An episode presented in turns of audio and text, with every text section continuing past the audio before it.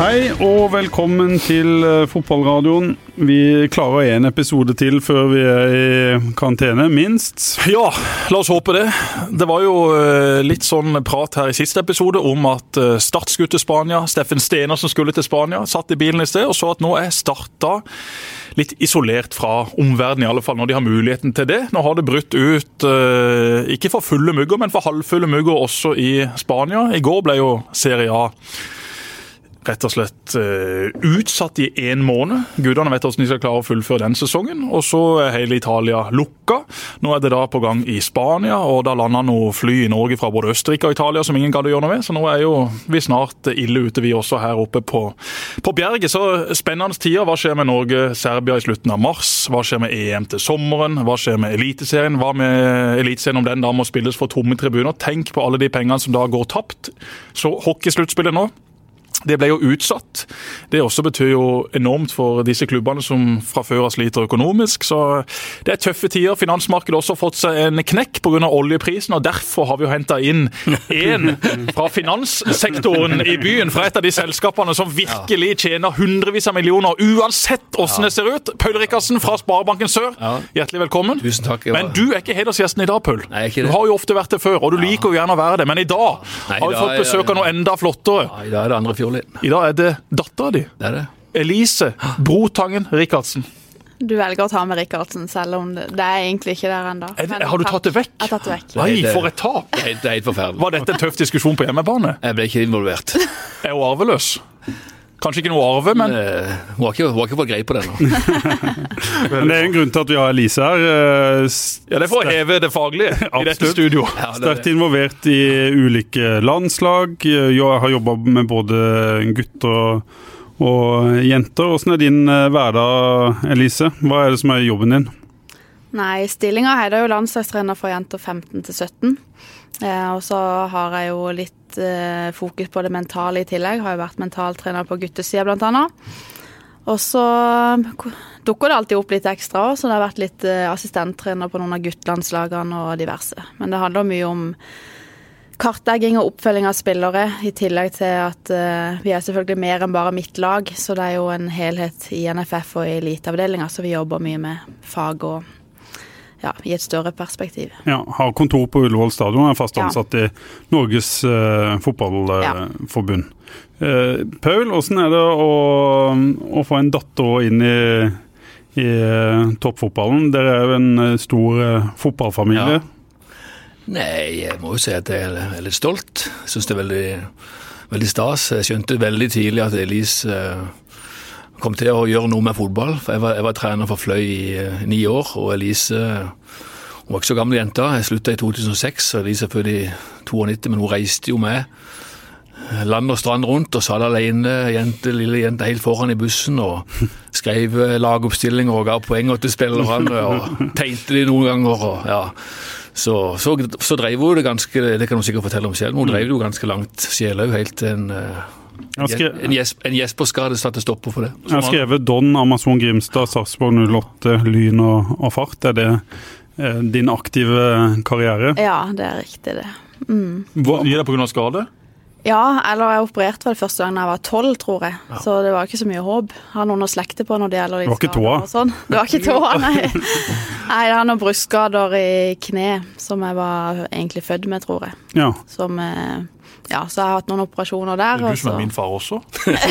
kan hende det ligger noe der. Har du vært på vift? Ja, det er noen som mener at du og Jørgen er litt like. og- Ja, det, det, det. Jeg har jo hørt hørt at jeg ligner på søstera di, så Ja, har, ja. eh, det, det må være noe her. Men du har alltid på en måte vært Den interessen for fotball har alltid eh, ligget der, og du var en av de ganske få jentene som skulle bli fotballspiller. Ja, altså jeg var jo heldig, vokste opp selvfølgelig i en familie som var veldig fotballinteressert, men vi hadde òg et fantastisk eh, miljø på Flekkerøya. Ja. Vanvittig mange jenter som begynte å spille fotball. Så det var veldig mange som var ivrige. Så jeg husker jo på en måte at eh, altså, i syvende klasse og på barneskolen så var det jo ute og trikse og legge med ball i friminuttene og sånn. Det var liksom det det gikk i. Og, men så merka jeg vel ganske tidlig at jeg hadde en kanskje enda større interesse enn noen av de andre. da, Så jeg var jo mm. veldig mye på banen på egen hånd og var jo alltid igjen sjøl etter skolen, hadde trening sjøl, og så var jeg igjen for å se på deg. Mm. Ut og skyte litt i krysset i pausene, og så ellers sitte og se på. Tenk så gøy det var med pausen før ja, på kamper, ja. når det var litt folk rundt stadion. Du bare spurta ut og begynte å dunke ballen i nettet. Det var jo høydepunktet. Det var jo ikke kampen, det var jo bare pausen du levde for. Ut der og strø noen pasninger, kanskje få litt ros etter pausen. Jøss, i dag satt de Espa. Det var moro. Det var tider. Ja, men det er litt sånn ennå. Jeg så Haugesund eh, Start, så du pausen. Jeg så ja, men satt og fulgte med i pausen. Jeg kan ikke nå i en men alle ungene som de bare slapp inn på banen der i pausen. Var, Hvis vi og Paul kommer ut i det dommeren blåser, så vil jo noen se litt rart på oss. Jeg har aldri hatt gleden av å strø så mange pasninger. du har ikke noe å stoppe det? Jeg, jeg tror jeg klarerte i pausen til og med. Men nå bestemte du deg, Lise, for å bli en uh, topptrener. Det har egentlig skjedd litt gradvis. Men pappa var så vidt inne på det, og jeg har jo skjønt at det kanskje begynte tidligere enn det jeg trodde. For jeg fant da jeg rydda på loftet her hjemme, så fant jeg ei bok fra jeg var 13 år gammel. Jeg tror ikke det er helt normalt at ei 13-årig jente driver da har jeg liksom skrevet, gitt børs på alle spillerne på fløykampene, skrevet referat fra første og andre omgang. Tegna Knut Ove Kristiansen. ja, altså, du skulle jo var... havna hos oss, du. Vi trenger jo fotballinteresserte journalister. Ja, nei, så det begynte nok eh, tidlig. Og det, det var jo sånn det begynte. Og, altså, I Sarpsborg 08, når jeg spilte der, så fikk en, jeg måtte jeg operere, og da visste jeg kom til å være ute i minst et år. Og de mm. visste ikke om jeg kom til å kunne spille igjen. Da var vel 20-21. Ja. Og da hadde jo han treneren der merka at jeg var litt over middels interessert. Hvordan har utdanningsløpet ditt vært? Uh... Ja, jeg gikk idrett grunnfag i, i Halden, altså når jeg var i Sarpsborg. Og så begynte jeg da å være assistent på damelaget til Sarpsborg og på juniorlaget der. Så det var der det begynte, når jeg var skada. Eh, og så gikk jeg videre på idrettshøyskolen eh, og tok eh, bachelor der. Og så skal, har jeg jo fått mange muligheter via den mastergraden som jeg egentlig fortsatt holder på med. Og som jeg leverer nå i vår, faktisk. Og den handler om mentale prosesser hos ja, fotballspillere? Ja, det jeg prøver altså å koble altså selvregulering, altså det å ta ansvar for egen læringsprosess, egentlig. Det å koble det opp til atferder på banen.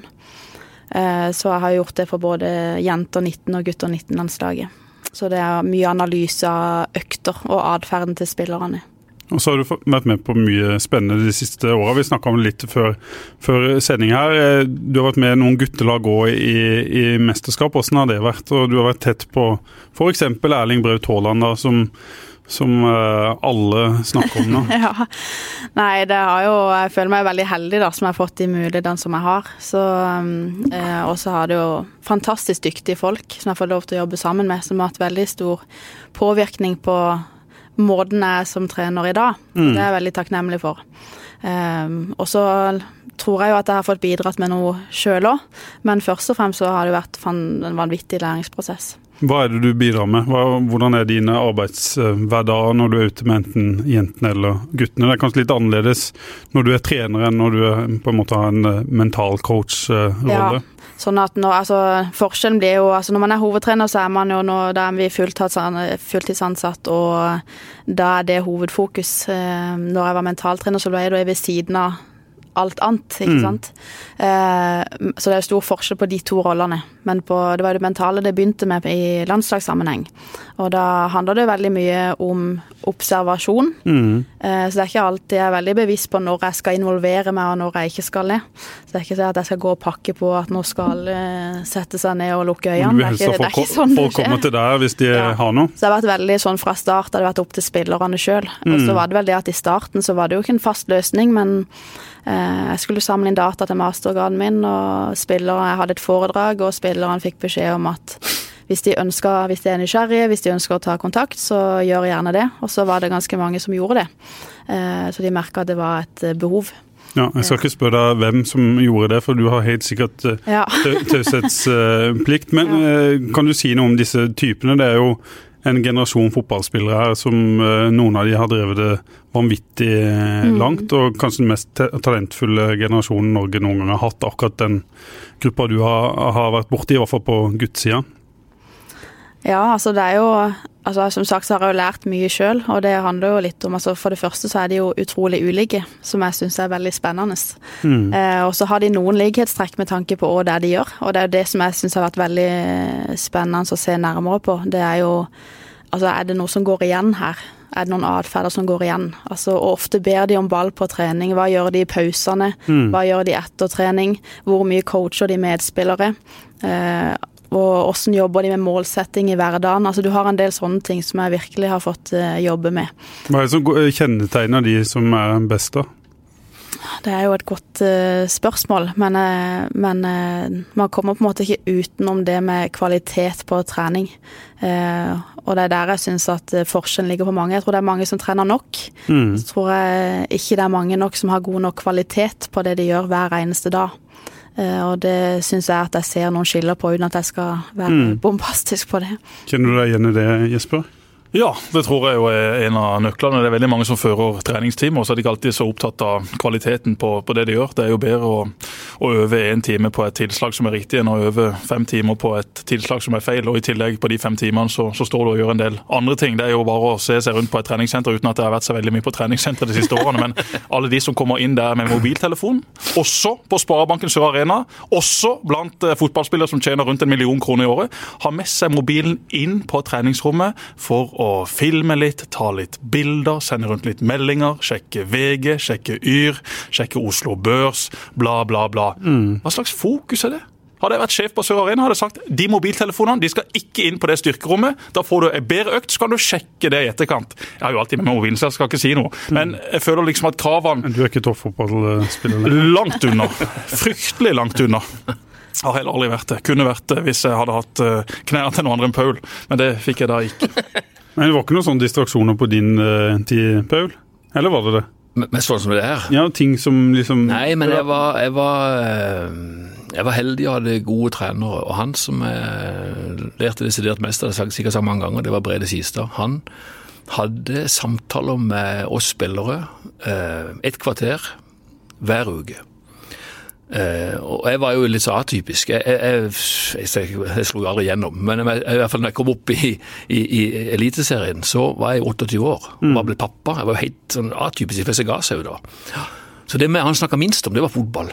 Ja. Han var mer opptatt av hvordan hverdagen funka, og om det passa med skiftarbeid i Tollvesenet og liksom sånne ting. Mm. Så han var forut for sin tid på veldig mange områder. Så det jeg har lært uh, Ja, jeg har lært veldig, veldig mye av han. Ja, han, var, han, var, flink til å behandle folk ulikt.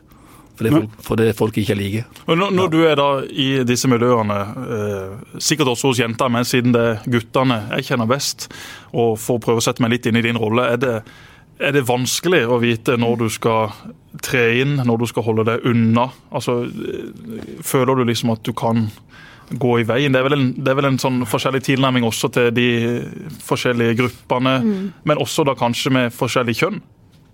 Ja, altså jeg har ikke merka så mye på kjønn, det har jeg ikke. Men, men, det handler om litt ulike typer, og så tror jeg jo eh, Hvis jeg skal si én ting som jeg tror jeg har gjort litt riktig sjøl, så er det jo kanskje at jeg ikke kommer inn og tenker at jeg skal ta så sinnssykt stor plass. Ja. Eh, men at jeg har hatt en inngang som gjør at det er lett å samarbeide. Jeg kom jo inn i et team som allerede var danna. Og det å komme inn der eh, som ung og jente, ja det, det, er jo ikke sikkert at eh, alle forstår helt. nei, nei, nei, det, og det, er, det, er jeg helt klar over. Og det er helt greit, for det er sånn det er. Eh, men da var jeg veldig bevisst på min egen rolle, og så har, som sagt så har du jo dyktige ledere som er flinke til å spille deg opp. Eh, og så tror jeg at det handler mye om å forstå, sånn som du sier, pappa, om, om Brede, at du, må, du er nødt til å se mennesket først. Ja. Hvis jeg spør alle spillerne hvis jeg har samtale med, så spør jeg jo hvis jeg spør åssen går det, og hva de svarer for de svarer fotballrelatert. De svarer ikke hvordan de har det til vanlig, de svarer hvordan det går med fotballen. Mm. Og det er fordi det er det det blir snakka om blant, altså, blant de de er sammen med, hjemme og ellers. Men det er jo ikke det, det er ikke der man må begynne. Man må begynne med mennesket først. Mm. Det jobber jeg faktisk mye med i forbundet nå, eller i eliteavdelinga. Det med å, hvordan vi skal håndtere mennesker, for det er der det begynner. Og, og da har vi masse å lære av andre deler av samfunnet. Eh, men med det så kan jeg finne ut at ok, nå har jeg med deg å gjøre, Jesper, og den beste tilnærmingen til deg det er kanskje at jeg ser at du har en veldig god relasjon til den ene treneren, så da trenger kanskje ikke jeg å jobbe direkte med det. Mm. Kanskje vi kan gjøre det via den der du allerede har en god og trygg relasjon. Så da må ikke jeg være direkte på. Mens med andre så kan det være at det er det som er riktig, ja. og at de ønsker det sjøl.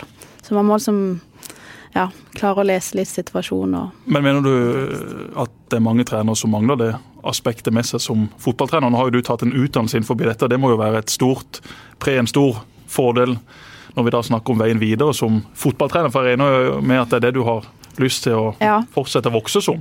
Ja, og jeg tror jo altså jeg tror det er mange som er dyktige på dette her. Altså Min opplevelse av det er jo at det er mer og mer fokus på det, eh, og at det er mange som er dyktige. Og så tror jeg mange kan, altså ikke kan nok om akkurat hvordan man skal gå frem. Så der tror jeg jo absolutt at det er noe å hente. Men eh, min opplevelse er jo at hvis du ser på teamene eh, rundt forbi landet vårt nå, så begynner man å begynne å tenke litt mer at man skal ha ulik kompetanse. Mm. Gjerne at alle skal være fotballrelatert, men at de har litt ulik inngang. Eh, og det tror jeg kommer mer og mer. Det ser du hvis du ser litt ut i Premier League og og landslagsteam osv. Så, videre, så begynner det å ja. Men er du der at du har lyst til å bli fotballtrener og dra så langt du, du vil, eller er du med der at du vil jobbe med de mentale prosessene, eller må du gå, gå en vei før du bestemmer deg? Ja, altså jeg er veldig opptatt av å holde ting litt åpent. Mm. Jeg har ikke hatt lyst til å låse meg på kjønn. Jeg har ikke hatt lyst til å låse meg på rolle. Og jeg har merka at jeg kan trives i mye. Så akkurat nå så kjenner jeg at det er veldig godt å, å være hovedtrener og ha hovedansvar og utforske den biten mer. Jeg trives veldig, veldig godt med det. Sinnssykt gøy det å på en måte kunne følge ditt eget konsept, eller danne det, og så jobbe og videreutvikle. Mm. Eh, men eh, jeg vet jo at jeg har trivdes veldig godt med å være en del av et team, enten det er som assistent eller med fokus på det mentale. Så jeg har ikke helt landa Men åssen er det å ha disse landslagskullene? For du har de jo i to-tre år, da, og så sånn sett forsvinner de. Så er ja. det da nye ja.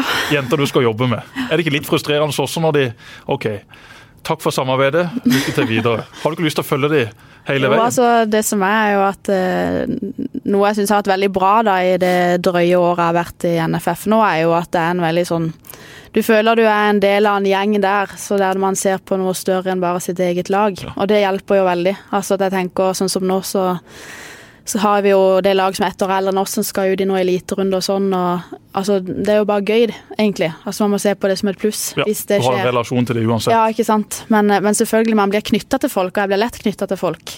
Så mm. jeg kjenner jo det. altså Det er jo trist når det plutselig er slutt. og så, Det tenker jeg, det er jo bra. ja. Ja. ja, det er som å være lærer. Ja. Og der følger du de ofte fra første til syvende. Gjør du første til fjerde, er det vel fjerde, kanskje? Okay. Men vi hadde jo fra første til syvende. Mm. Hoppa vel over femte, for det ble vel lagt om fra seks til syv klasser. Det er på Framhaldsskolen? Ja, ja, ja, det var det. Det var veldig trist. Det var veldig trist, ikke sant? Husker jo det sjøl. Livet går jo videre, og alt det der. Men jeg tenker Når du da det, sier farvel til trener eller lærer. Men jeg tenker de unge da, det er jo mer fokus på de, og, og media, og, og, eh, og presse følger de, og agenter og sånn. Og de skal jo liksom være forbilder på topp alle områder, så er det ikke alle som, eh, så er det ikke alle som er det. Så jeg tror det jeg tror det er godt at de har fått noen å snakke med. Det tror jeg òg. Ja, og jeg tror det er en helt uh, utrolig viktig nøkkel at du har mentaltrenere som også har en erfaring fra fotballen. Da. For ofte i de tilfellene jeg har vært borti med mentale trenere, så er det så, Nå er jo jeg ikke kanskje den enkleste å ha med å gjøre på sånne ting, men jeg sånn, hva, hva, i all verden vet du om det? tenker jeg med en gang. Hvis du ikke har noe erfaring fra fotballen. Og, og det samme tipper jeg var på deres tid, Hvis det kom inn noen der som skulle forklare at ja, det kan være lurt å ta seg en tur i Bertes før kamp, fordi at da får du frigjort litt energi osv. Men hvis ikke du har en relasjon eller en erfaring fra noen i fotballen, så er det ikke så lett å selge inn, ser jeg for meg. Jeg har, jeg har jo en historie om din eh, far, Jesper. selvfølgelig. Du har det. Bjørn Kjeldsen. Han var sånn kostholdsekspert. Så kom han eh, til oss i Det var helt på slutten av Sveins karriere. Så, sa, så, skulle han avslutte foredraget, han der Kjeldsen, sa han. Bare så dere er klar over det, sa han. Hvis dere tar en skikkelig føll midt i sesongen, så ble det satt tre måneder tilbake formessig. Så sier Svein det er derfor jeg drikker som en svamp, for jeg skal tilbake til formen i 78. Han tok, han tok, han tok brodden hele forhånden. Helt fantastisk. Sånn er det. Da er det drept. Ja, ja. Jeg var i studio i går i Bergen sammen med Sten Glenn Håberg. Ja. Og han fortalte meg en time med historier før sendinga starta. Han kommer i vår podkast også så fort han er i byen. Den ene historien da var at eh, Karsten hadde plutselig bestemt seg for at laget skulle ikke gis ut før kamp. da. Dette hadde han da tydeligvis hørt på et eller annet kurs eller lest i ei bok eller hørt på, på et radioprogram. Og det var spillerne så misfornøyd med. At i Danmark da på treningsleir så var det Trond P. Trond Pedersen som hadde funnet en sånn en fane som de da hadde skrevet på 'Vi vil ha laget'. Og så marsjerte de rundt treningsbanen i tog gang etter gang helt til Karsten ga de laget. De fikk laget da til slutt. Det gjorde de helt sikkert. Nei, det var åh, det er mange historier. Ja, ja. Paul, du har Ja. jo vært i, i treneryrket sjøl, og var Ja. egentlig veldig nærme å bli en eh, topptrener og få rykke opp i, i førstedivisjon. Var du der at du eh, vipper. og? Skal du satse på å bli trener, eller skal du være i det sivile liv? Hvor var du hen? eh? Var Når du var i Fløy? eh, jeg hadde jo full jobb med sida hele tida. Og det var med, med, Jeg skjønner egentlig ikke hvordan det gikk. Jeg, jobba jo jo jobba fullt, og vi trente jo vi fløy nesten hver dag. Og vi hadde ni dager fri på sommeren. Eh, Men Kom du til et punkt der du på en måte måtte bestemme deg om du ville satse på å bli fotballtrener eller Ja. Kamp hver helg, var det ikke det? Jo. Altså, Dere spilte jo i helgene, Ja, dere. ja, ja. Hver helg var det, og, rei- og lange, lange reiser. Det var jo det- så- ikke noen andre som alltid ordna reisene heller, så du hadde jo mer enn bare trener. Ja, ja, du var jo Du du bodde jo i telefonen, vet du. Du var jo litt oppmann og litt eh, reiseleder og litt planla reiser og alt mulig. Ja, så det, men eh, det går hvis bare en, eh, bare en vil. Og det var jo ei Ja, det var jo ei ble jo litt sånn ja, nostalgisk. Men det var jo ei gøy reise med fløy. Vi var jo fra midten av fjerdedivisjon til 13 minutter fra det som i dag er Obos-ligaen. Uh, i, løpet I løpet av ni år. Og de siste tre-fire årene så var jo Terje en veldig, veldig viktig, Terje Markussen, veldig viktig del av det. Så det var jo, jeg lurer på, Haugesund hadde jo gått konk, hadde de ikke klart det den gangen. Så det var jo, det var jo nærme, og da eh, så trente jeg fløy ett år til. Eh, og etter det så har jeg egentlig ikke jeg har hjulpet fløy sånn av og til med, med noe, med noe B-lag og noe gutter 16-lag, men eh, men for å si det sånn, hadde jeg fått tilbud fra start en gang om å bli trener, Mm. så hadde jeg sagt ja. ja. Men det er det sikkert naturlige og gode årsaker til det ikke kom. Men, men, men, Men du eh, tenkte det oppi i huet at, at det kunne være en, eh, en eh, løsning for deg? Ja, iallfall på den tida hadde jeg såpass selvtillit at, at jeg tror jeg kunne gjort en god jobb. Mm. Ja, men, men ja, det, det var liksom Jeg var jo assistent et år. To år, faktisk, i, i start. I, i, før jeg ble fløytrener. Mm. I 94 og 95. Ja, Det var da Brede ble syk. Ja. Ja, så det var en veldig sånn tøff periode. Ja. Hvordan husker du den perioden hans som trener? Elisa, har det på en måte vært med å, å forme dine valg? Ja, det, jeg, tror jo det. Altså Ikke kanskje helt bevisst, men uh, man har jo vært en del av det hele tida. Og jeg har jo liksom sittet ved siden av når han driver og planlegger, og som sagt, jeg var jo på stort sett alt av trening. Og jeg tror du førte opp mange treninger folk Du hadde flest treninger av Det var, det var vel nesten sånn, ja. Så det var, jeg var jo mer interessert enn brødrene mine. På Ja, måte det. det. Altså, Jørgen har jo vært veldig interessert i å Ja, de- storebror De i rister å litt, spille de rister litt på hodet av og til. Mm. Men jeg har jo vært desidert mest interessert Ja, ja. i det å være med og alt eh, rundt hele tida, egentlig. Ja. Men så selv om du var flink til å spille, så var det alltid mer interessant for deg med Egentlig sett fra en, fra en trenerståsted, da.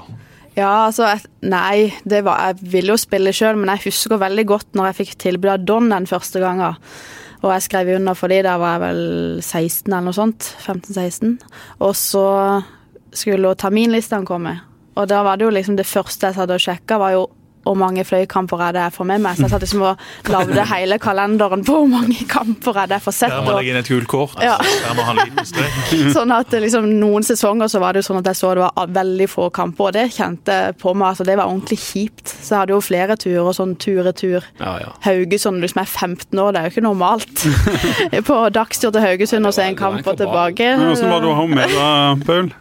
Nei, jeg syns jo det var veldig koselig. Hun satt eh, foran der og, og fikk med seg mye mer enn jeg trodde. Og snappa opp ting. og så Det var jo et par helter der. vet du. Det var jo Kjetil Bø og Fredrik Henriksen. Det Ja. var jo de, vi hadde jo et sabla godt lag. Mm. Ja. Fredrik Henriksen han har alltid vært kjekk. Jeg husker han sa til meg en gang eh, når jeg var liten, så sa han hvis du bare hadde vært litt eldre, Elise. Og det, det har jo jeg levd på lenge. Han hadde jo blått hår, Fredrik, da han slo gjennom. Ja, han hadde en periode Ja, nå i ja. Kjelsås. Herja for Kjelsås der, ja. Kom, eh, kom ned til, til start. og Hadde vel ikke verdens mest silkemyke touch, men eh, bra fart, enorm spenst. En av mine favorittspillere også. Ja. Og et deilig temperament. Han kunne klikke på hva som helst. han var så- Og det setter vi pris på, Paul. Ja, ja, han var, så- han var med. Fredrik var, Fredrik var. Men jeg tror den beste spilleren som jeg har trent, eh, altså under den assistenttrener i Start, det må være, det må være Kjetil Bø. Ja. Ja. Det er mange som sier det, de som har spilt med han. Veldig, veldig god, altså. Men da har jo Paul aldri trent med, da. Nei, jeg, jeg, presiserte jo det. det ja, ja. Nei, Kjetil Bø han, han er det veldig mange som, som fremhever når de da eh, får spørsmål hvem er det beste du har spilt med. Og Det gjelder vel nesten for Lars Martin Engedal og co. også, Ja. som har spilt med ganske mange etablerte, gode eliteseriespillere. Også folk som har vært på landslag rundt forbi. Han hadde for dårlige knær, han òg. Ja, Det er ikke bra, det det der. er noe med det. Åssen forhold har du til Start, eh, Elise? Nei, jeg var jo litt eh, naiv sikkert i den familien jeg var, for det var liksom, jeg var Fløy-fan for det det var verdt. Og så syns jeg alltid det alltid har vært veldig gøy når det går bra med Start. Uh, men jeg, kan, jeg har liksom, det er ikke sånn at jeg har vært på alle kamper. Sånn Sånn. Jeg har vært på en del og selvfølgelig interessert meg. Men uh, var jo liksom i den tro at Fløy kunne ta, ta opp denne kampen når, når jeg var liten. Så det var jo de som gikk først, det var det. Men er det sånn de siste åra så har du distansert deg litt, sånn som veldig mange andre har gjort med forholdet til klubben fordi de har, vært eh, svake, eller? Jeg tror ikke det er derfor. Ellers det kan godt hende at det er noe av grunnen. Men i og med at ikke det har vært helt nært sånn hele veien, så, så tror jeg jo at når jeg da flytta vekk etter videregående, jeg har ikke vært hjemme siden det. Så, så egentlig så har vel interessen økt litt fordi at det er spillere som jeg etter hvert har kjent. Så syns jeg det har vært gøyere å, å, å følge med. Hvem av de spillerne er det du har hatt eh, kontakt med på, på landslaget, av de som er der nå? Det er um, Tobias Christensen og Adnan. Mikael Ugland? Mikael Ugland var med på U20 nå i Mm. høst, så da var jeg jo assistent på to samlinger der. Mm. Men det er vel det, ja. Paul, Ja. eh, hvor lenge er det til seriestart, Jesper? Eh, Det starter faktisk eh, 5. april. og Grunnen til at jeg vet det, er at jeg snakka med Tor Ole Dalen. Sirkus Dalen blir han kalt, borte på Tromøya i sted. Han skulle ha meg med på et arrangement i Arendal sentrum 4. april, og det er da dagen før Eliteserien starter. Så 5. april er vel da første i hvert fall fotballekstra, mens Eliteserien starter da 4. april vel med én kamp på lørdagen. Så Ja. det Vi får se er om det starter da, for nå er, rett før jeg kom inn her og jeg har vært litt på telefonen nå, så går det noe rykte om at NFF nå har sendt ut et skriv til, til klubbene der, de, der det er høring da om Eliteserien skal bli utsatt. Så nå får vi se hva som eh, skjer der etter hvert. Men hvilke forventninger har du, Paul, til det som skal skje i år? Jeg er, fornøyd hvis Start klarer å holde seg. Det, det er det som må være eh, fokus, tenker jeg. Ja. Det, må, det må bli slutt på denne heistilværelsen. Det, det, det, selv om vi er glad i reb og skindler, så får det være måte på. Ja. Vi kan ikke gå opp og ned hele tida. Nei, og det er jo det som må være den naturlige målsettinga. Ja. Klarer Start å holde seg, så har de gjennomført en godkjent sesong. Ja. Det blir uh, tøft, det har jeg vært uh, klar på uh, i hele vinter. Og det tror jeg fortsatt. Nå har de treningskamp mot Grorud og Eirik Høne om en times tid, så vi vet jo da ikke hvordan det går når vi nå sitter her klokka fem over tre. Men eh, Start får en, en tøff sesong. De må unngå eh, skader. De må ha et par av disse unge som tar nye steg. Og Så får vi se om det kan skje noe på spillerlogistikkfronten den neste måneden. Det kan jo selvfølgelig også endre måten vi ser på dette på. Vi har jo snakka, Elise, om, om eh, mentale prosesser knytta til det som skjedde i desember. Måten Start eh, rykka opp på, måten de snudde det på. Hvordan kan de ta med seg de tinga der inn i, i det som skal komme, tror du? Nei, altså sånn generelt da, så ser man jo altså tidligere erfaring med mestring er jo på en måte den viktigste, eller i hvert fall noe av det viktigste for motivasjon og det å drive på videre. Så det er mye man kan hente ut at når det går bra. Jeg husker jeg hadde en på idrettshøyskolen som underviste, han sa at hver gang han eh, jobber som eh, idrettspsykolog, da, og han sa at du blir jo alltid tilkalt når ting går dritt. Mm. Han sa han ville egentlig mye heller komme inn når ting går bra, for du vil se på hva er det som gjør at det går bra nå. Og det er jo liksom Der går det an å hente litt, eh, med tanke på hva er det du opplever i de øyeblikkene. Og det jo, og det er jo typisk. Ja, ja. Alltid når lag gjør det dårlig, da er det tre Da ting. det Gokart, paintball og en mentaltrener inn. Ja, og så er det, at det skal løse seg. og så er det spillermøter. Hvorfor det gikk så dårlig? Burde heller ha for Hvorfor det gikk så bra? Ikke spillemøter, krisemøter. Ja, ja, det er krisemøter. ja, ja, Iallfall i, i avisen. ja, ja. Og, og, men, men det var selvfølgelig planer på forhånd. Ja. Ja. Men vi har snakka med en, eh, en coach i Olympiatoppen i forbindelse med dette oppry- opprykket, som har forska litt på, på Start og sier de må bruke det for alt eh, det er verdt, og at det kommer til å få en effekt. For de opplever noen ganger at eh, ok, det er ikke den eh, taperklubben da, som de har, har fått eh, stempel på, at det, bare det kan ha skjedd noe med den eh, spillergruppa. Men jeg har jo eller et eksempel fra det laget som var altså G19 og U20, da, som var i første EM og så i VM. De har jo en scenarioplan som de har bygd på ganske tidlig, som gjør at hvis de trenger mål på slutten av kamper, så gjør de dette. Mm. Og når de prøvde det her, de har øvd på det mye på trening, og de har fått det ut i kamp, og de har lykkes. Og det G19-laget hadde en sånn ellevill historie i kvaliken, hadde ikke det? Jo, Hvor de, jo, hvor de jo, lå det var og skåra. Haaland ja. Var- skåra på straffe Ja, det siste minutt. var en helt sykt å være med på, men Men Fortell om det, hva skjedde der? Vi må ta det først. Nei, det var jo Først så røyk vi jo 6-1 mot Nederland i første kamp. Og da uten at vi sa det høyt, så var det jo nesten sånn at nå er det slutt. For vi visste at det er ett lag som går videre. Vi var i gruppe med Nederland, Tyskland og Skottland. Så du tar ikke Du vet jo egentlig, men så visste vi ok, det er jo et, selvfølgelig et bitte lite håp. Og så skjer det jo neste, neste kamp mot Tyskland at, eh, at vi spiller helt fantastisk og vinner vel 5-2, men burde vunnet mer. Mye mer. Eh, og, og så klarer jo Skottland å vinne vel mot eh, Nederland i tillegg, som gjør at nå er det opp til den siste kampen. Så Der leder Norge med to-tre mål, gjør de ikke det? leder 2-0 til pause. Ja. Eh, Farlig ledelse. ja, veldig farlig ledelse. Bedre å ligge under to. Og så går de ut etter pause, og da er det litt avskrudd eh, på en eller annen måte. Det, vi har jo snakka mye om det i ettertid, og kan det være som skjedde der. Eh, men så klarer de å hente seg inn igjen. For Skottland skårer tre mål, gjør de ikke det? Leder 3-2. Og så skårer Norge to mål i det Ja. 90. minutt og, og rett kvalifiserer før seg. og så på overtid. Ja. Så, og det, det var det jeg skulle frem til. Det er når du, når du har noen sånne opplevelser Mhm.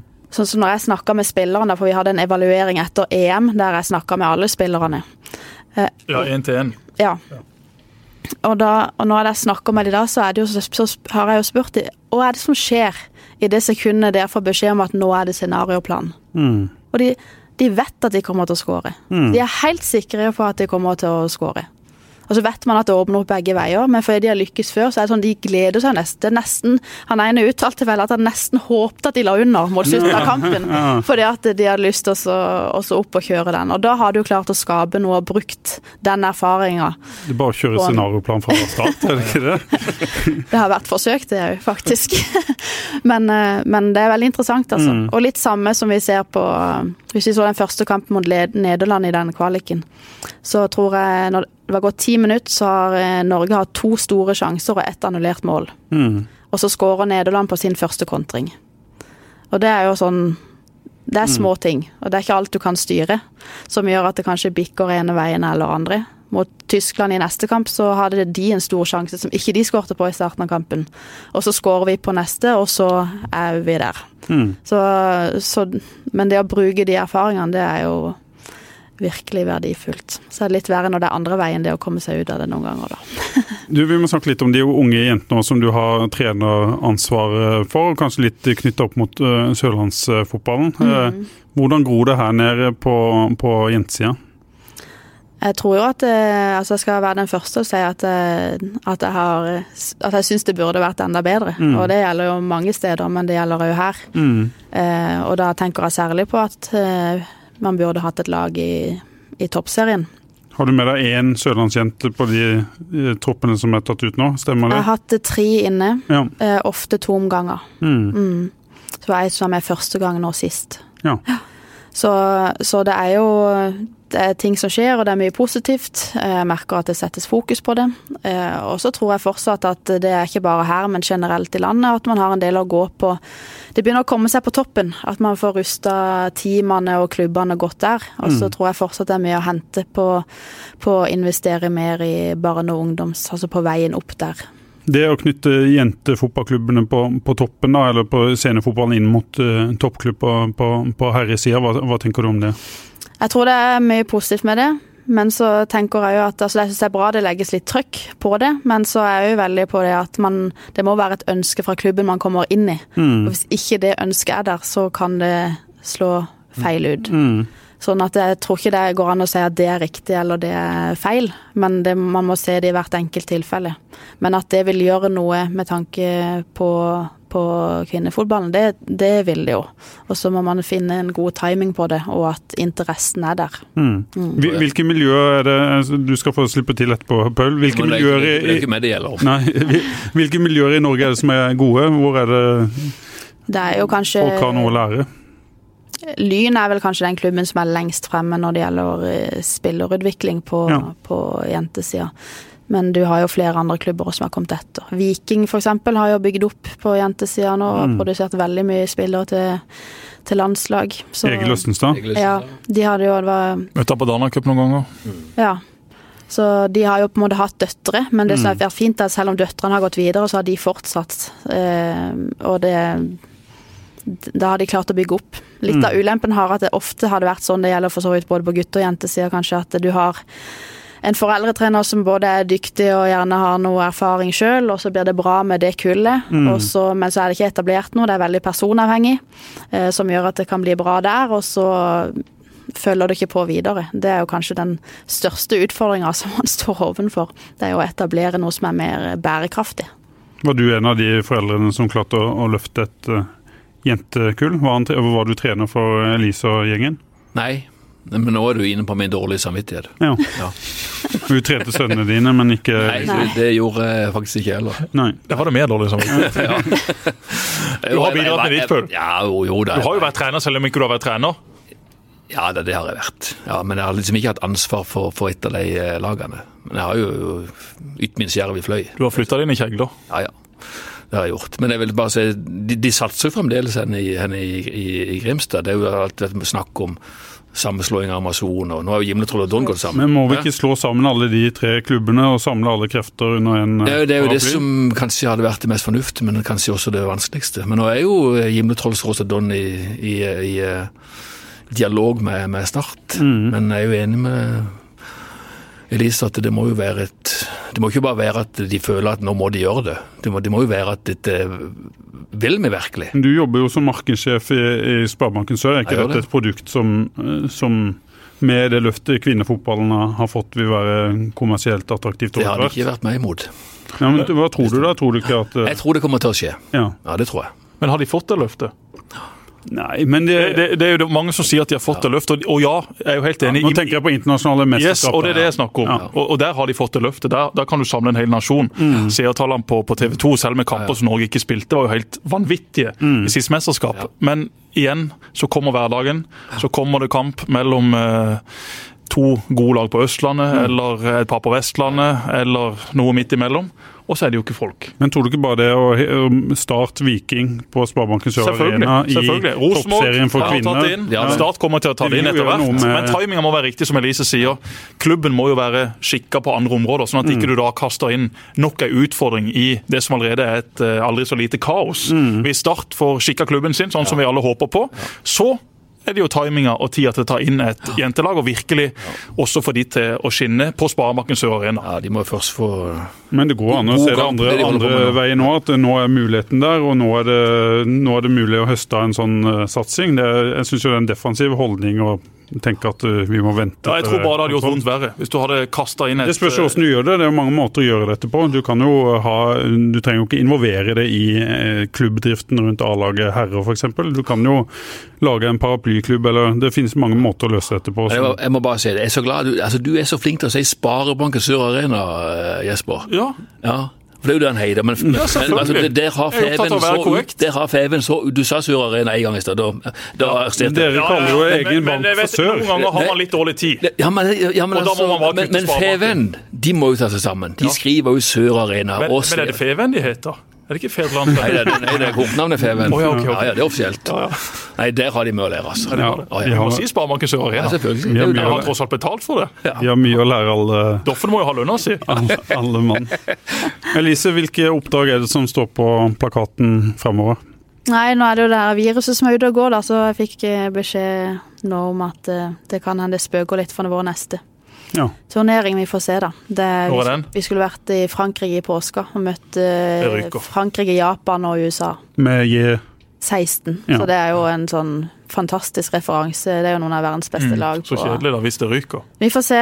Det er liksom under Ja, men eh, Det er ikke noe du kan få gjort noe med. Nei, det er jo ikke det. Og det er liksom Det er litt unntakstilstand. Ja. EM til sommeren! Det skal arrangeres over hele Europa. Tenk deg den koronamaskinen. Hvis det skal arrangeres. Folk flyr på kryss og tvers og fra det ene landet til det andre. Det kommer til å være tidenes smittebombe hvis korona da fortsatt er i spill. Det kommer ikke til å bli noe hjem til sommeren. Men jeg tenker den kampen nå mot Grorud om en, en halv time, er det det? Ja. Det kan ikke være lov med tett markering. Nei, Er. Så det blir en målrik kamp. Det er bare inn og plassere penger med at det blir over 3,5 mål. Så spiller du med munnbind, var det ja, siste jeg hørte nå. Det var det, ja. Nei, vi skal ikke det. Jeg skjønner de, de, de blir gøy å følge de. Kjenner Det- du til Eirik og hans verk i Grorud? Han Ja, er jo litt, ikke i NFF, men har jo vært inne i NTF, og dere henger vel Ja, så er det litt andre som er inne i Ja. eh, Blant annet to av de han eh, Ja, tre av de han jobber med i Grorud, som er i NFF. Ja, Han ene som heter Johan. Ja, Er ikke han, Han er- fra? Flekkerøy? han er fra Flekkerøy, ja. Han han er vel i familien. Familie, selvfølgelig. Ja, for han, Ja. han er jo med på noe sånn analyse og filmer rundt Ja, han har eh, analyse på G16. Gunnar Halle sitt lag. Ja. Botox Cosmetic, out of botulinum toxin A, FDA approved for over 20 years. So, talk to your specialist to see if Botox Cosmetic is right for you. For full prescribing information, including boxed warning, visit BotoxCosmetic.com or call 877-351-0300. Remember to ask for Botox Cosmetic by name. To see for yourself and learn more, visit BotoxCosmetic.com. That's BotoxCosmetic.com. Øya tar over NFF nå. Men skal du ut enda mer? Er det mer å ta? Hvor langt har du kommet i, i trenerutdannelsen? Uefa A skrev jo at du har eh, tatt, eller tok Ja, det i har jeg fjor. tatt, ja. Så eh, det neste på lista er jo pro, men da trenger jeg litt mer erfaring først. Men er Uefa Pro det siste steget på Ja. trenerutdannelsesstigen? Ja, det er vel det. Det finnes Hvordan har det vært fram til nå da, med tanke på det å skolere seg? Sikkert mange, kanskje ikke så mange, men noen som hører på, i hvert fall, som kunne tenke seg å bli Ja. topptrenere. Ja. Hvor, hvordan er veien, og, og, og hvor må de begynne? Hva må de gjøre? Nei, altså jeg tok jo som sagt bachelor på idrettshøyskolen, og hvis man eh, består med OK karakterer der, så får, går man jo ut med UFAB. Så jeg fikk jo den gjennom der. Eh, Noe som er veldig å anbefale. Jeg syns jo den du får en mye bredere utdannelse eh, der. Eh, men eh, så jeg har ikke vært med på noe vanlig UFAB-kurs og, og C, holdt jeg på å si. Ja. Men, eh, men A syns jeg var kjempenyttig, altså. Det var heldig, det var en veldig fin gruppe. Jeg tror det å ha det selvfølgelig litt å si hvordan det blir. At du kommer inn, for en god veileder og en god gruppe. Blant annet med Morten Jensen i Viking, han assistenten der. Det var min partner da på hele kurset. Og det, det gir jo veldig mye, både den her eh, formelle biten, men òg det, det- altså relasjonene og kontaktene du skaper, og, og utvekslinga du gjør underveis. Neste Det har vært veldig kult. kanskje. En mann som går gjetomor eh, om i, i norsk fotball, som en del av Jeg trodde vi skulle ha Ja. henne men Hun skal jo til Start, ikke til Viking. Nei, vi første, Ja, men Morten Jensen får veldig mye ros. Helt enig. Han får mye ros fra er- spillere, støtteapparat, supportere, sponsorer. Mm. Fantastisk dyktig. Fantastisk dyktig. Så du føler da, etter at du tok disse kursene, jeg spør, for jeg har jo faktisk vurdert det selv, har bare aldri Ja. hatt tid til å ta dem, men, Ja. men uh, uansett hvilken rolle du har innenfor fotballen, så vil jeg jo tro at det er veldig lærerikt. Enten som du, som er Pål som jobber i, i media, eller Paul som er scoutingansvarlig for bedriftslaget til Parabakken Sør, eller, eller, du da som faktisk jobber som trener. Du føler at du har utbytte. Jeg har Nå tatt jobber du i trenerkurs, jeg, Jesper. Ja, det har jeg også. Grasrottrener Ja, ja, også del tre, tror jeg jeg har tatt. Per Erik Andersen var instruktør. Det var hyggelig. Og Ja, Der lærte vi også. Men disse er jo litt mer omfattende. da. Disse kursene de varer jo da gjerne i ei uke. Ja, Du kan anbefale, Selv om du er inhabil og jobber i NFF, så kan du anbefale. det. Ja, altså jeg var veldig glad for det kurset. Så er det jo alltid sånn det er noe man føler man får mer ut av enn noe annet. Men så hvis man ser på hele opplegget, så syns jeg at det var veldig, veldig lærerikt, ja. Mm. Hvorfor mitt, Jesper. Jeg er jo Hvorfor mitt. Har du det? Ja, ja. Ja, Du må lære meg. Du, du har snakka litt om eh, kjønn, eh, Lisa. At du har ikke lyst til å skille på menn og, og kvinner i måten du behandler folk på, eller hvordan du ser på ting. Eh, hva tenker du om din egen eh, karriere? Har du lyst til å bryte noen barrierer? Har du lyst til å, eller kunne du tenkt deg å trene et herrelag, et seniorlag for herrer f.eks.? Er det noe du drømmer om, eller kunne bli den, første på toppnivå i Norge som gjør noe sånn? Jeg har egentlig aldri tenkt sånn at uh, nå går jeg for det. Jeg har tenkt Nei. at jeg vil gjøre alt jeg kan for å bli så god som mulig. Mm. Og så får vi se litt hen, hen det bærer. Men det, er veldig, det spørsmålet får jeg ganske ofte. Eh, men, og jeg syns Det er det er sikkert mange som lurer på det òg. Men jeg er veldig glad i utfordringer. Sånn at jeg har jo alltid sånn når, du, når man føler Jeg lir i rollen der jeg føler jeg kan slå litt unnifra. Det trives jeg veldig godt med. Jeg så et innslag eh, på en eller annen TV-kanal om hun som trener Åsane Mm. sitt herrelag. Eh, Ei frisk eh, jente fra, fra bergensområdet. Og Hun sa jo det at uh, dette trivdes hun veldig godt med. Og gutta også syntes det var eh, kult å ha uh, en trener som da gjerne er motsatt kjønn av det som er normalt innenfor de klubbene. Og, og de ga henne ekstremt mye ros. Det så også ut til å være 100% ekte, og jeg vet også at det er ekte, for jeg kjenner et par av de guttene som, som hun trener. og uh, det er jo forfriskende med, med jenter også. Det er jo ikke noen grunn til at ikke jenter skal kunne trene herrelag på det høyeste nivået også. Det kommer sikkert til å ta noen år til, men at det kommer til å skje før i alle fall et par har skåret i kista, det, det er jeg ganske sikker på. Det er jeg sikker på. Hun satser jo på å bli den nye hovedrolleinnehaveren i heimebane. Ikke sant? Ja. Heimebane, bra sesong igjen. Ja. Så var det mye dårlig. Så altså. var det mye Jøss, ja. da var det en tynn Men, men Elise, du kunne jo ha blitt herretrener hvis du hadde hatt uh, lyst. Ja, men altså, jeg trives jo veldig veldig godt Ja. med Ja, ja, det har jeg jo hatt. Ja. Men uh, jeg trives jo utrolig godt med å jobbe med, med gutter òg. Mm. Så jeg kjenner jo selvfølgelig at det at det òg er noe som frister, men, Mm. men ikke sånn at jeg tenker at det er det jeg må på Nei.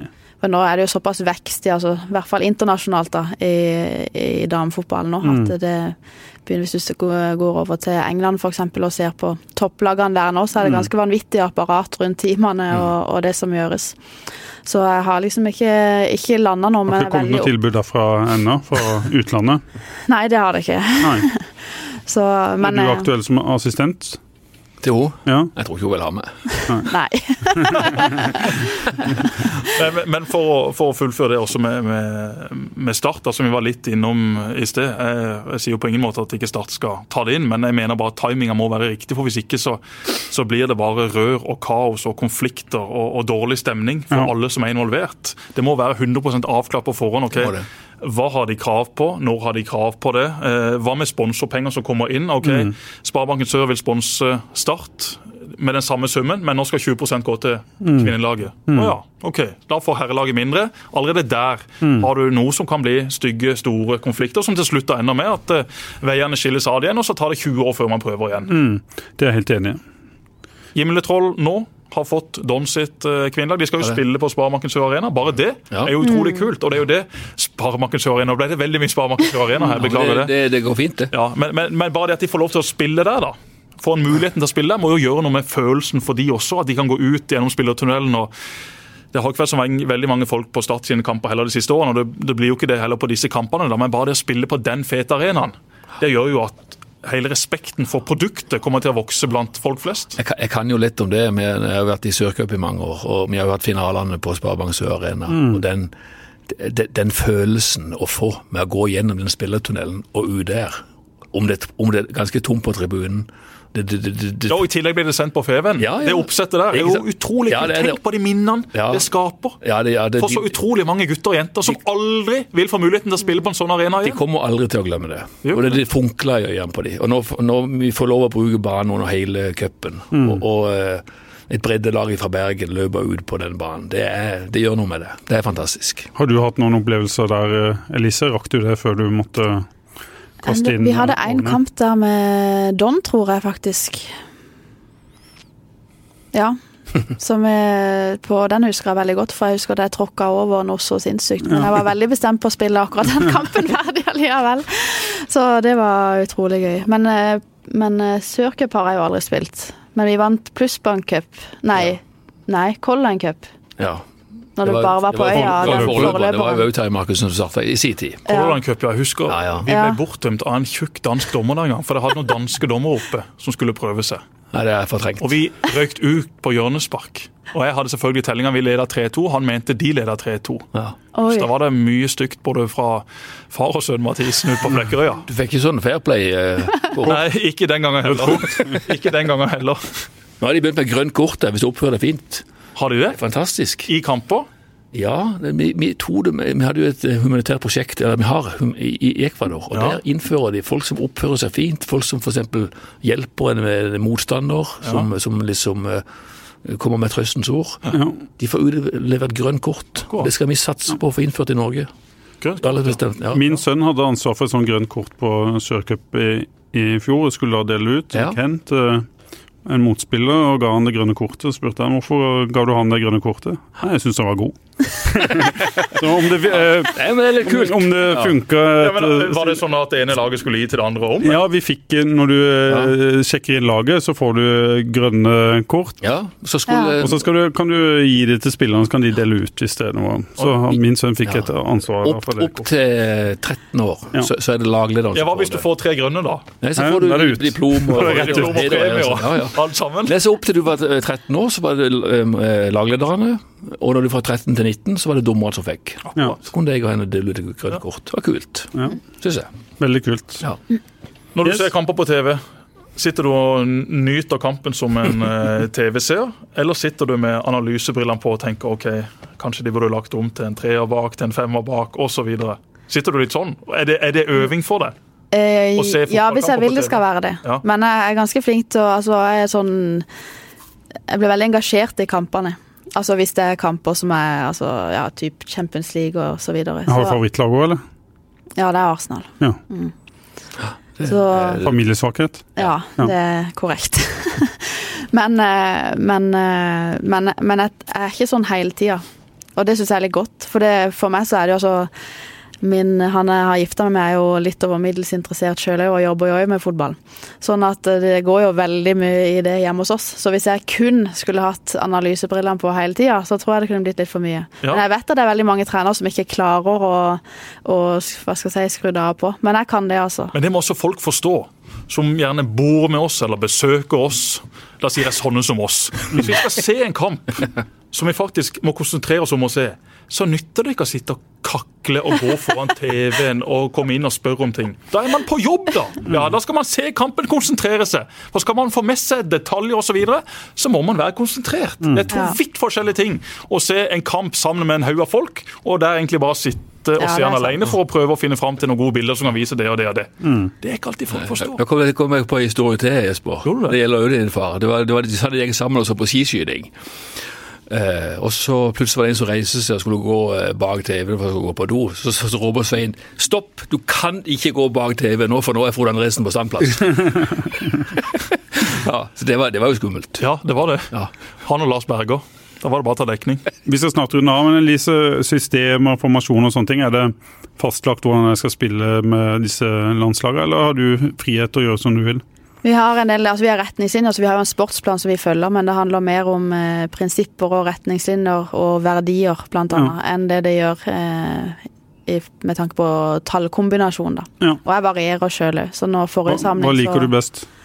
Jeg er ganske fleksibel, men nå har vi på en måte Nå blir det litt fotballfag her, da. Men, ja, eh, men det, er det, er det, er ikke det er ikke for mye av det her. Men vi, vi begynte jo med en uh, relativt klassisk 4-3-3, mye mm. pga. spillertypene vi har. Jeg ser alltid an det før jeg velger formasjon. Mm. Og da har vi jo gjerne frispilt med backer og anker uh, mm. før vi skal slippe opp til indre løper og kant og så Ja. inn på sist tredjedel. Mens nå Forrige gang så begynte vi å variere litt, og da trakk vi ned indreløperne på utsida av stopperne. Så vi Ja. frispilte i mye større grad med stopper, anker og indreløpere, og Ja. så flytter vi bekkene mye høyere. Og det var veldig interessant å se. Gøy å se. Altså de, da har vi jo to treninger som vi skal øve inn det her systemet før vi skal ut i kamp. Ja. Og det, da vet du at de treningene må være ganske, ganske bra planlagt og gjennomført for at det skal funke. Mm. Selvfølgelig sammen med møter og litt sånn, men da var det utrolig gøy. Så ingen av jentene som har vært vant til å gjøre det tidligere, men det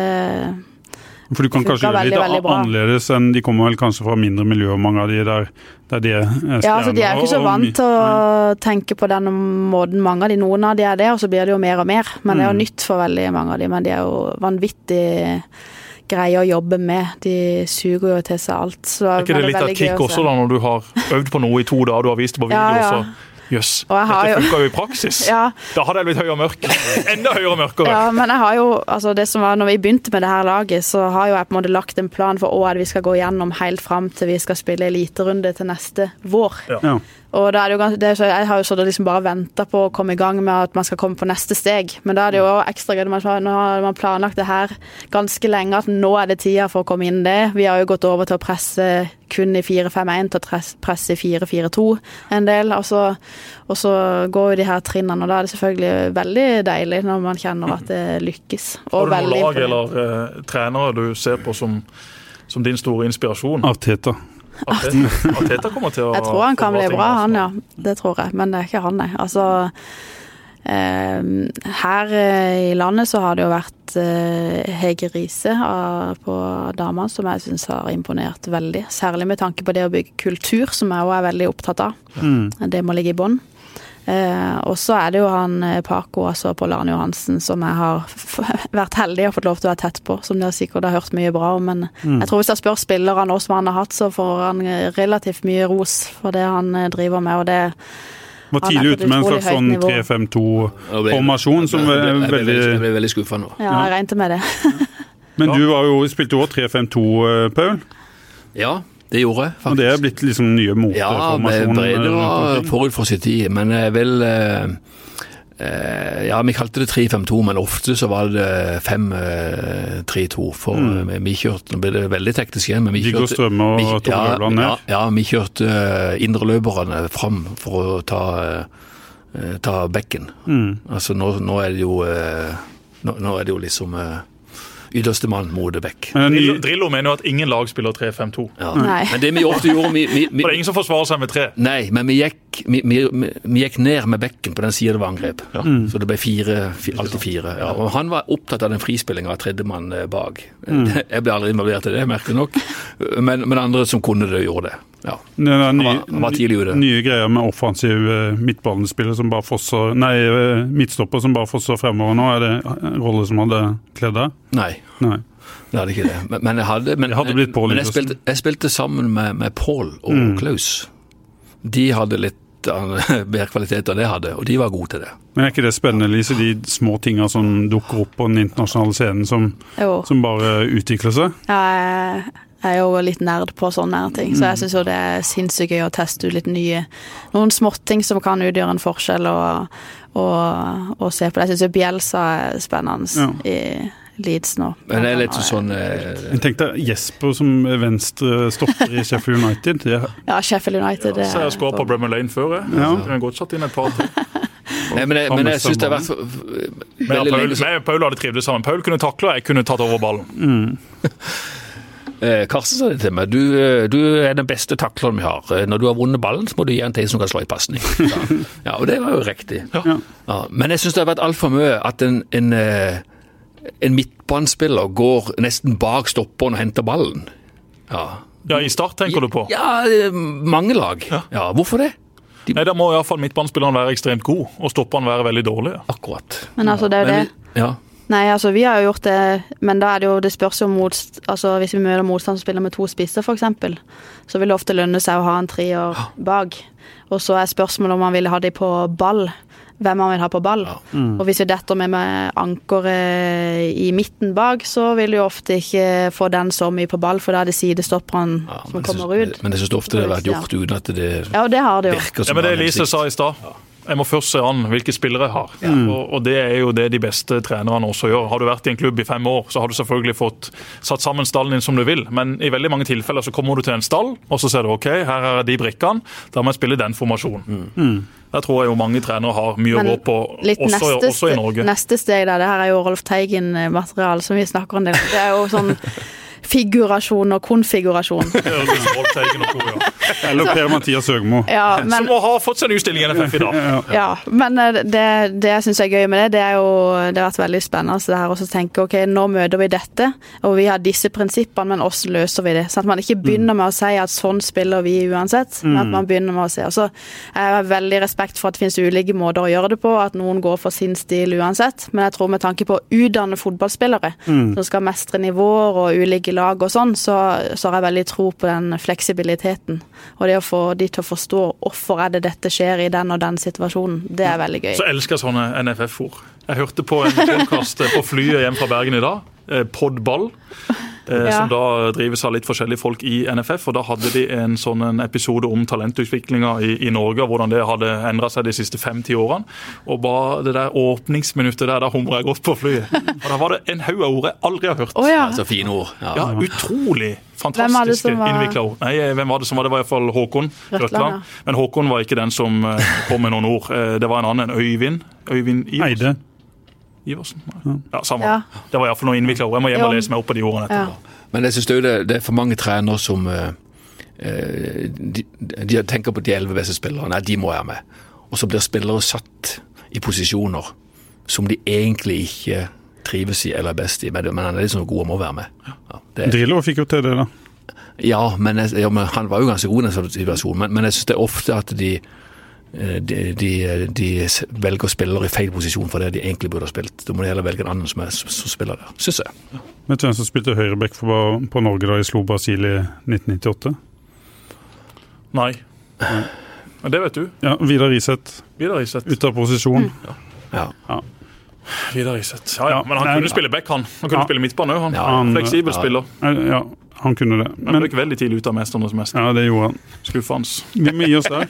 Vi må det. Ja. Det var veldig hyggelig å ha eh, Elise på besøk, Paul. Ja, det syns jeg var veldig hyggelig. Hyggelig å være eh, her. Dette er ei som eh, har mye bra å, å komme med. Befriende å høre. hun føler seg litt pressa av sin far, tror jeg, men det får gå. Ja, det var bra, det. Veldig bra. Takk for at dere kom. Ha det. Ha det.